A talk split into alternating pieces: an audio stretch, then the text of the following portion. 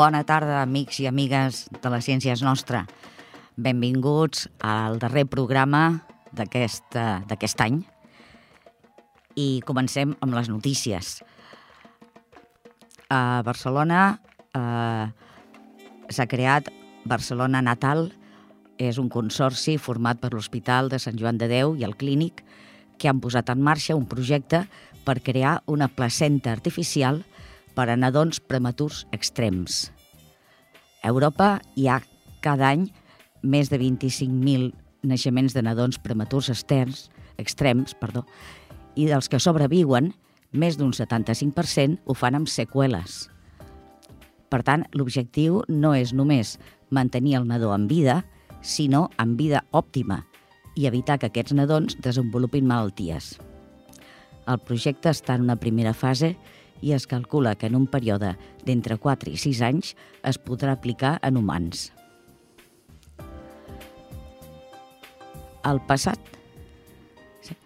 el passat 5 d'octubre, eh, l'Hospital Clínic de Barcelona va portar a terme el primer trasplantament d'úter a l'estat espanyol. Va ser possible gràcies a la donació en viu d'una germana a una altra. La pacient pateix la síndrome de Rokitansky. És un trastorn congènit que afecta una de cada 5.000 dones i aquestes neixen sense úter ni trompes de falopi. Per arribar a practicar aquesta cirurgia s'han hagut de fer molts passos legals, que s'han allargat durant un any i mig.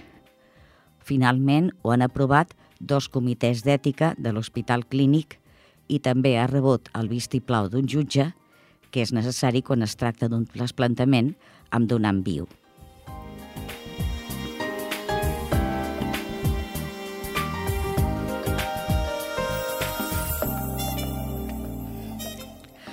Un grup d'estudiants de Biologia i Enginyeria Biomèdica de la Universitat Pompeu Fabra han dissenyat un prototip per controlar de manera continuada les dosis d'hormones que reben les persones amb hipotiroidisme.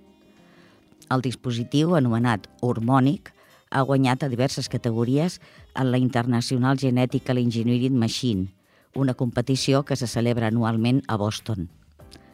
Les malalties de la tiroide són un important problema de salut a tot el món. Al 99% dels casos, el problema és l'hipotiroidisme, o sigui que no hi ha prou hormona afecta els 10, el 10% dels espanyols i el 5% de la població mundial. L'hormònic es basa en el mateix concepte de bomba com l'insulina. Compta en primer lloc amb un biosensor que detecta l'hormona. Un cop fet això, hi ha un mecanisme de control per establir si els nivells d'hormona són suficients o són baixos. I finalment es produeix, si cal, l'alliberament de l'hormona al torrent sanguini. Queda ara un llarg procés abans que el dispositiu es pugui aplicar. S'han de fer estudis sobre la seva fiabilitat en les mesures i, posteriorment, un cop establert això, fer estudis clínics per avaluar-ne la utilitat i l'efectivitat.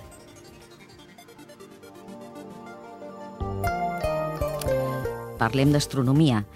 El proper 21 de desembre, cap a les 8 del vespre, podrem observar la gran conjunció de Júpiter i Saturn – una conjunció planetària tan propera no s'havia produït des de 1623 i la propera comparable serà el 2080.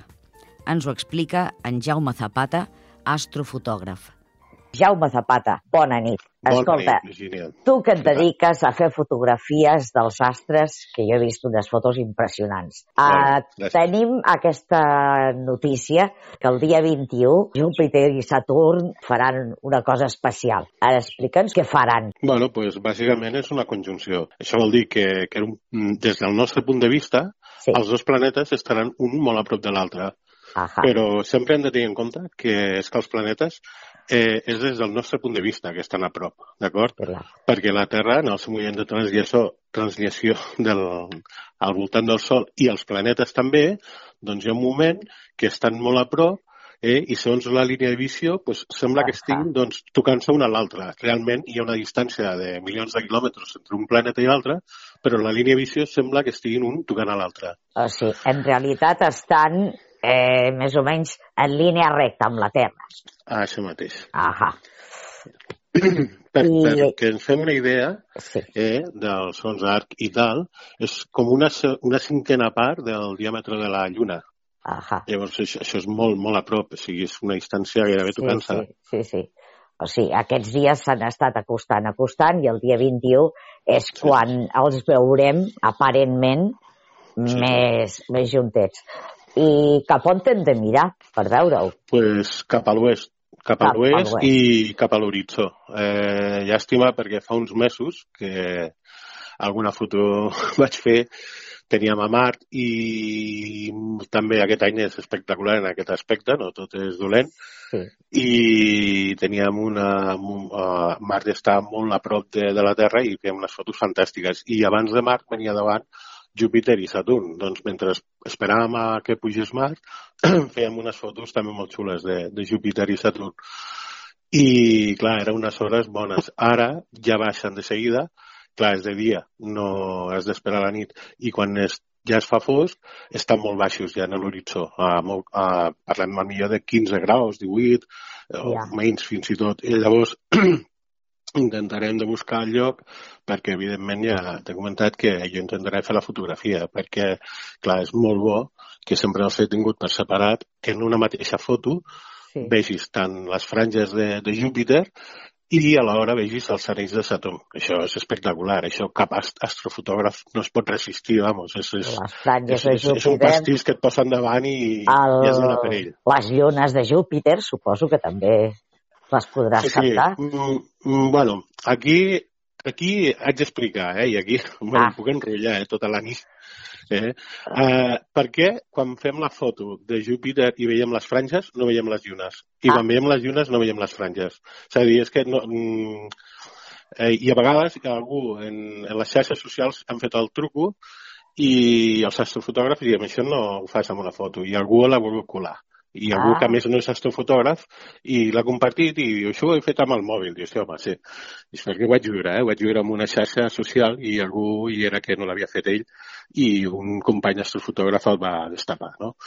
Eh, jo quan estic enfocant eh, la càmera planetària, diguéssim, Clar. jo veig el, el planeta de color blanc, sense el detall, i veig les quatre llunes, depèn també de, de l'època, si no te la tapa un el planeta alguna, però és molt maco de veure, perquè són les llunes que tots coneixem, les llunes galileanes, Sí, sí, no?, sí. que diuen, Sí, sí. i clar, això és història, són les que va veure el Galileo, i això és Sí, molt maco de veure.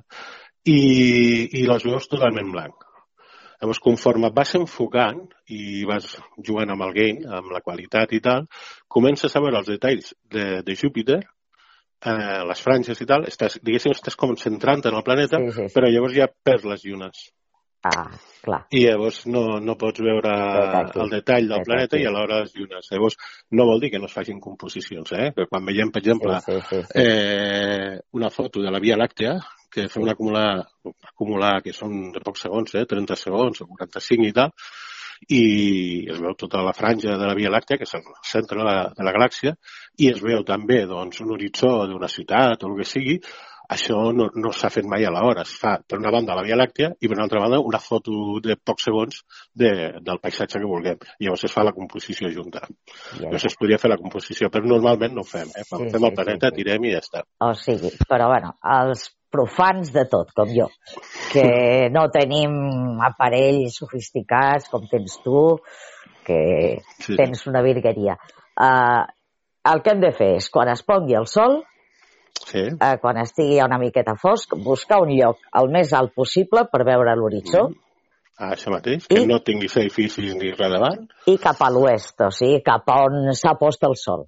Sud, sud-oest, és que ja els veureu, eh? Sud- sud-oest. Sí, Vale. sí, anireu veient els planetes que venen des de l'oest i els anireu veient junts, perquè són molt brillants. Sí, sí, sí. I sí. sempre s'ha de mirar cap al cel. Jo Sí, a la gent sí, sempre sí. recomano que mireu cap al cel, que hi ha un espectacle maquíssim, sí. i jo faig les fotos i ho saps, que Sí, tu sí. em coneixes de les xarxes i en parlem, sí. m'agrada molt parlar amb tu, i Home, la llàstima és que dintre de ciutat és difícil Sí, sí, sí. veure gaire detall d'estels, Sí, sí, sí. perquè hi haurà això- contaminació brutal i, i vaja, no. Bueno, quan veus la no- ciutat, eh, la cosa canvia, eh? jo almenys estic a Sabadell i, i et puc dir que el divendres vaig anar-me a dormir a les 6 del matí i el diumenge a les 4, ai, el dissabte a les 4, eh, fent fotos i també t'haig de dir que ja ho, sembla que ho he comentat alguna vegada amb el filtre de contaminació lumínica i bueno, tal, clar i, i quan ja s'han apagat gairebé tothom, ja s'han acabat de sopar, de veure la tele i s'apaguen llums, sí, sí. el cinturó d'Oriol veig perfectament, bueno, ha la família, la meva filla, la meva dona, pujant i mira, Oriol, mira, papa, les Pleiades.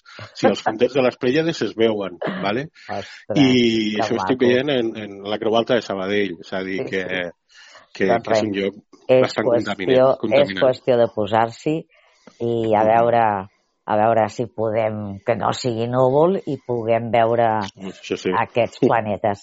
Doncs gràcies mil i no t'entretinc més. El diumenge 28 vam viure l'experiència de baixar al riu Ripoll per veure els treballs de recuperació de la llera que s'hi estan fent. Ens va acompanyar un sol que escalfava de valent. Vam veure tot de quitxalla jugant a l'aigua al costat del pas inundable. Això no havia estat possible en els darrers 60 anys. Vivíem d'esquenes al riu. Ara es treballa per anar eliminant els obstacles, els horts il·legals, les canyes i que la llera es pugui regenerar. Escoltem el reportatge. Avui hem vingut a conèixer les actuacions que s'han fet sobre el riu Ripoll. Tu com et dius? Oriol. I què t'ha semblat això? T'ha cridat l'atenció alguna cosa dels que, del que ens han explicat? Sí, Uh, bueno, tu penses. Anem pel pare. Ha sigut molt interessant perquè t'expliquen les coses des d'un punt de vista que no estem acostumats, que no coneixem i almenys és interessant perquè això serveixi per valorar també el que tenim al voltant no? i poder-ho conservar també de cara al futur.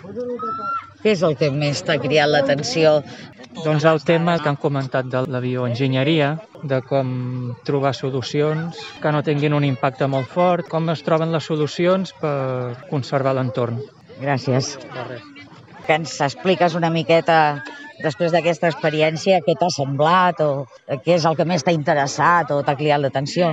Bé, a mi el que més m'ha agradat ha, ha estat el veure com la biodiversitat està recuperant amb un entorn urbà, que ve les famílies, que poden gaudir, que l'aigua està transparent i a sobre hem vist que n'hi ha molta vida i que és molt important recuperar tot això, perquè és un espai que està aquí i que mai tenia que haver estat tan degradat. I, bueno, i em sembla meravellós.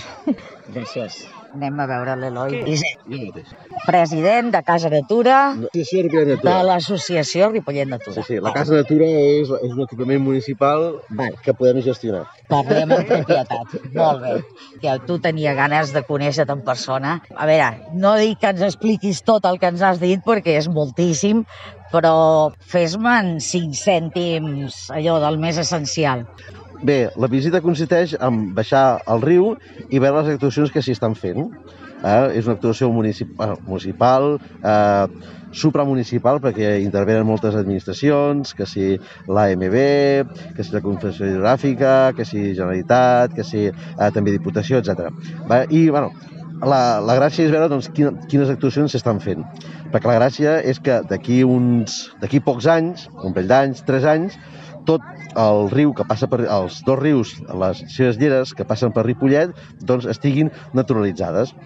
I és important que la gent doncs, ho conegui, conegui què és el que s'està fent. I per tant, doncs, aquesta visita forma part d'aquest projecte d'educació ambiental perquè la gent ho conegui.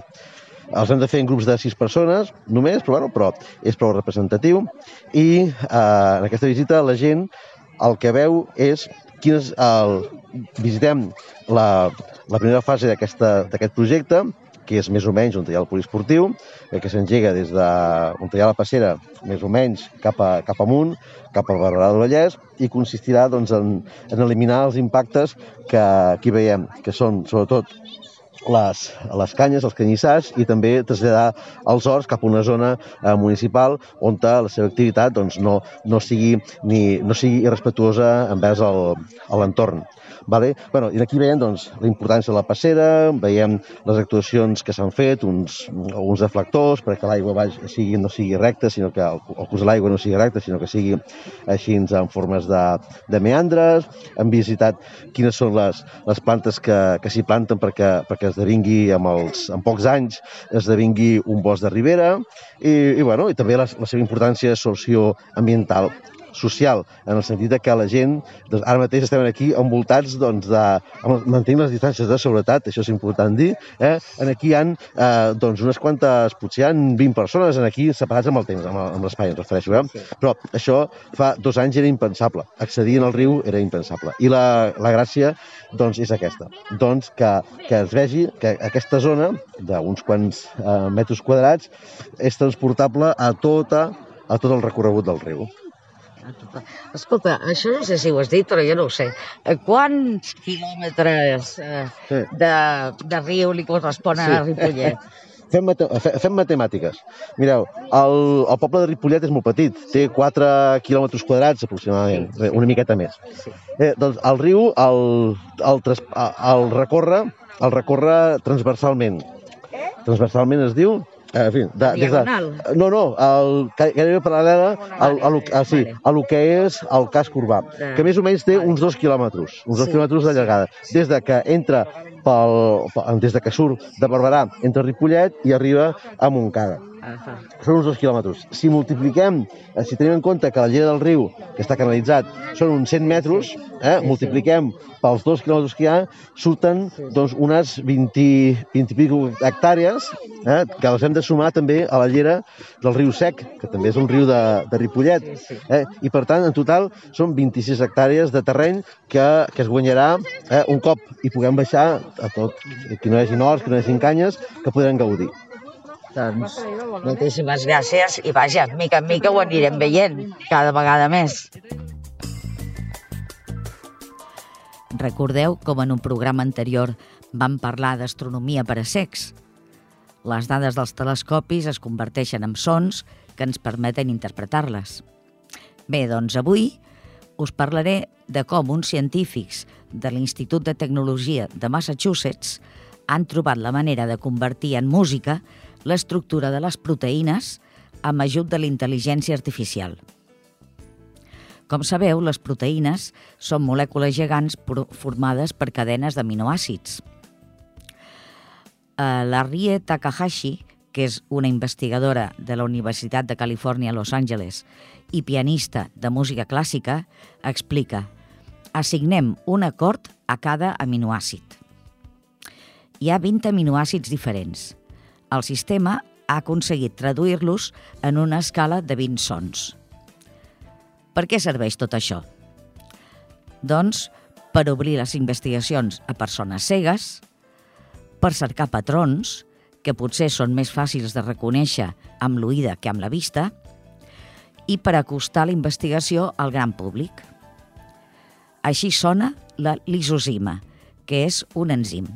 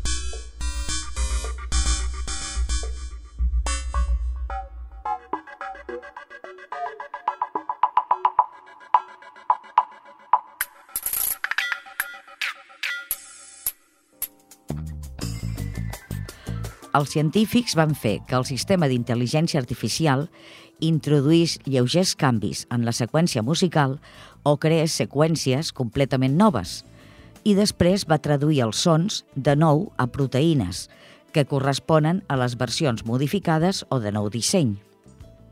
A més, el mètode es permet invertir el procés i introduir algunes variacions en la música per convertir-la en noves proteïnes que no existeixen a la naturalesa. Per cert, que per a dispositius Android hi ha una aplicació gratuïta al Play Store que es diu Aminoacid Synthesizer. Permet seleccionar en una pantalla amb els 20 aminoàcids la seqüència de la nostra proteïna virtual i escoltar el so que es genera. Es pot modificar el tempo, editar, eh, modificar el contingut... bueno, en definitiva, és com un piano, però que cada tecla és un aminoàcid.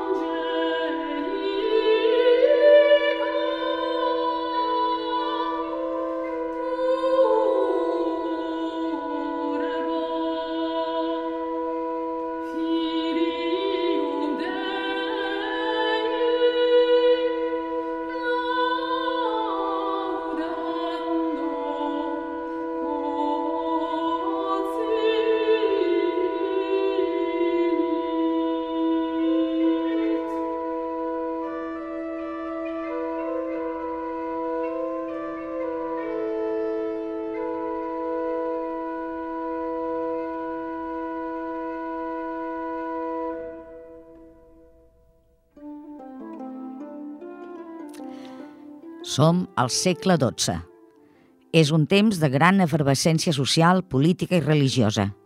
L'època de les grans croades, amb Ricard Cor de Lleó, l'emperador del Sacre Imperi Romano-Germànic Frederic Barbarroja i el soldat Saladí, dels templers, els cistercencs, de les ciutats, amb les primeres universitats i els primers gremis, de les lluites de poder entre reis i papes, jueus i musulmans dominen en medicina, astronomia i matemàtiques.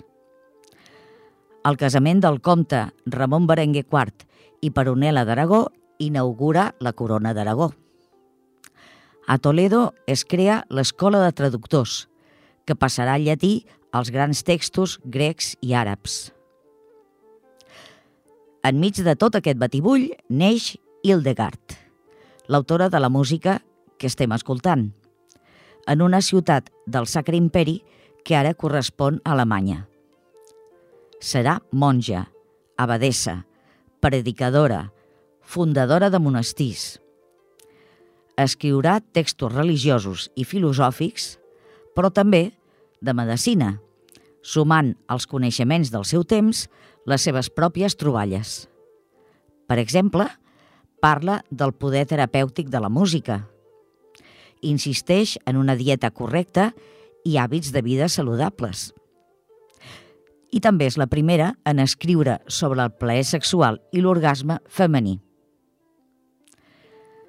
Hildegard va ser una persona molt influent.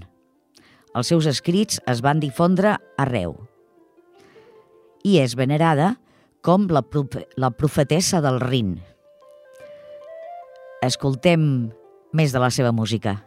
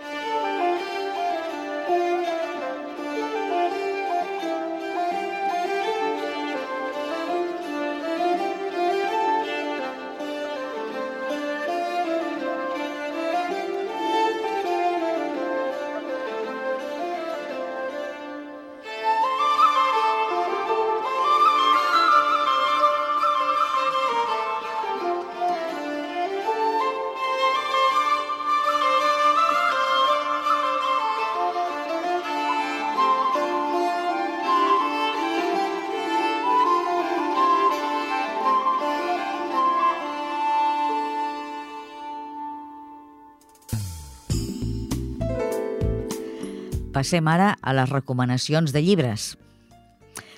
El primer que us proposo és Matèria vivent, vida pensant, evolució i prospectiva de la consciència humana, escrit per Eduald, Eudald perdoneu, Carbonell i Jordi Agustí, editat per Cossetània.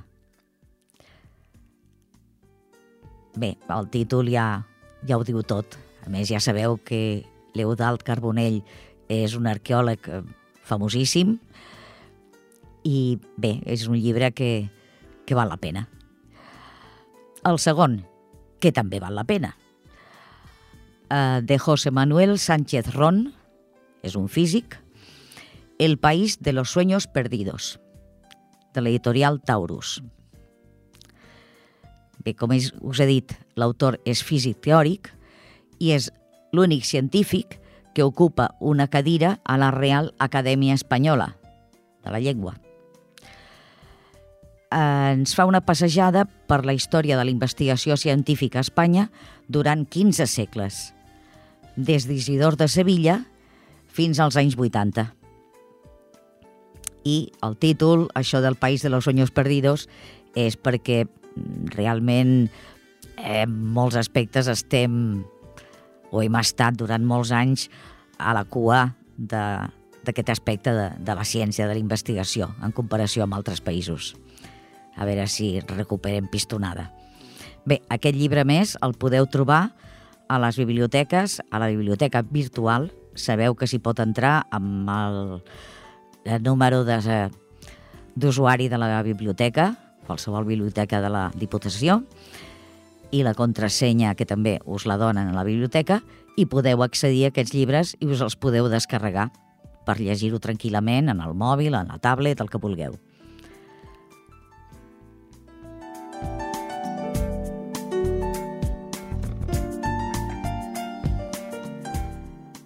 Doncs acabem amb el famós experiment de cada dia, de cada mes. Avui farem una flauta de pan o bufacanyes. Són aquestes que tenen eh, set, normalment són set, eh, canyes una al costat de l'altra, de diferents mides. I s'han d'anar bufant i fan cada una una nota. Bé, a veure, aquí hi ha dos nivells. Eh, els més petits, que la cosa consisteix en a veure si teniu bona oïda. Llavors, necessiteu del supermercat o d'un basar un paquet de canyes, de, de canyetes de beure, però de les gruixudes. No compreu pas de les primes perquè llavors no, no us en sortireu. Llavors, la primera canya la deixeu eh, tal com està de llarga si hi ha algunes que tenen com una mena de cullereta a la punta, li talleu la cullereta, deixeu la canya eh, llisa. La segona ha de ser una mica més petita. La tercera més petita, cada una més petita, i ara us explicaré com. A cada una li poseu a la, amb un extrem una mica de plastelina per tancar el forat plastelina o el que vulgueu, però que quedi el forat ben tancat. Mm? Llavors, bufeu per la primera. La primera serà el nostre do. La segona la heu tallat un pelet més curta. Heu de mirar a veure si us sona a re. Si us sembla que sona, anem pel mi. Mm? I així, cada vegada una miqueta més curta, i val més anar retallant poquet a poquet, perquè si retallem massa, doncs ja hem fet malbé. Eh, bueno, fins que tinguem tota l'escala del do al do. Do, re, mi, fa, sol, la, si, do. I amb això les enganxem amb celo, en línia, i ja està, ja tenim la nostra flauta per bufar. És qüestió d'una mica de pràctica, però bueno. Ara, els més grans. Aquí ve la part més divertida. Sabeu que entre el do més greu i el do més agut, eh, la longitud de la palleta ha de ser la meitat? La palleta petita, el do agut, ha de ser la meitat de llarga que l'altra. Un cop tingueu la flauta feta, podeu mesurar amb un regle i veure si és veritat. Mm? La teoria diu que ho ha de ser. Eh, també hi han d'altres que tenen unes proporcions molt concretes, que són entre el do i el fa, són tres quarts. O sigui, el fa és tres quartes parts de la llargada del do. I amb el sol, el sol és dues terceres parts del do. O sigui que podeu fer de les dues maneres, o mirant d'afinar amb l'oïda, o agafant aquestes longituds, que ja les sabem, que s'han de complir, i llavors ja tallar les canyetes en aquestes mides. Les altres, bueno, no són tan fàcils de, de saber, però si tenim ja aquestes quatre notes, do, fa, sol i do, les altres ja és, és més fàcil trobar-les. Doncs queda pendent, ara que tindrem aquests dies de vacances, i ja m'explicareu què tal. Per cert, abans d'acabar, dues coses que us anuncio que tindrem pel gener, que no ha estat possible fer-ho avui, però us anuncio pel gener. Tindrem una entrevista, que penso que és molt, molt interessant, perquè és amb una gent de Barcelona que estan treballant amb una vacuna contra la Covid. Clar, no falla, sí, és el tema... Però, caram, que ens ho expliquin des de dintre, gent que ja estan treballant i que més són d'aquí, penso que, que és molt interessant. O sigui que aquesta la tindrem pel proper programa. I una altra cosa que també tindrem pel proper programa és una persona que és ornitòleg, aficionat, però amb molta afició, i es dedica a fer anellament d'ocells. Que no sé si sabeu de què va. És allò que agafen els ocells amb molt de compte per no fer-los mal, els posen una anella i els tornen a deixar anar. I llavors això serveix per tenir dades d'aquests ocells fins a on arriben, ja sabeu que hi ha ocells que fan unes volades impressionants d'una punta a punta d'Europa i coses d'aquestes, i per tenir molta informació. Bé, doncs tot això ens ho explicarà a l'Antonio Espanya, que és aquesta persona, amb detall i amb totes les ganes que ell hi posa. Ens trobem al gener i com que aquestes entrevistes ja les teniu anunciades, us recomano, si teniu alguna pregunta que penseu que, que els hi voleu fer, deixeu-me-la escrita.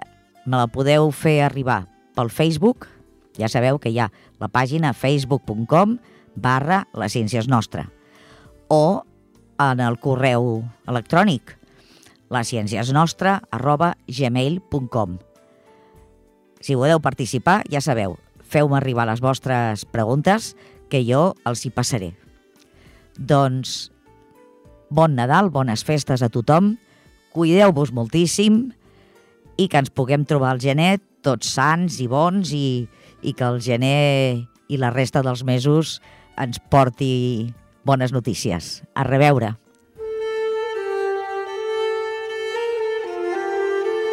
Us deixem per acomiadar-nos amb una altra peça musical de Hildebart von Bingen.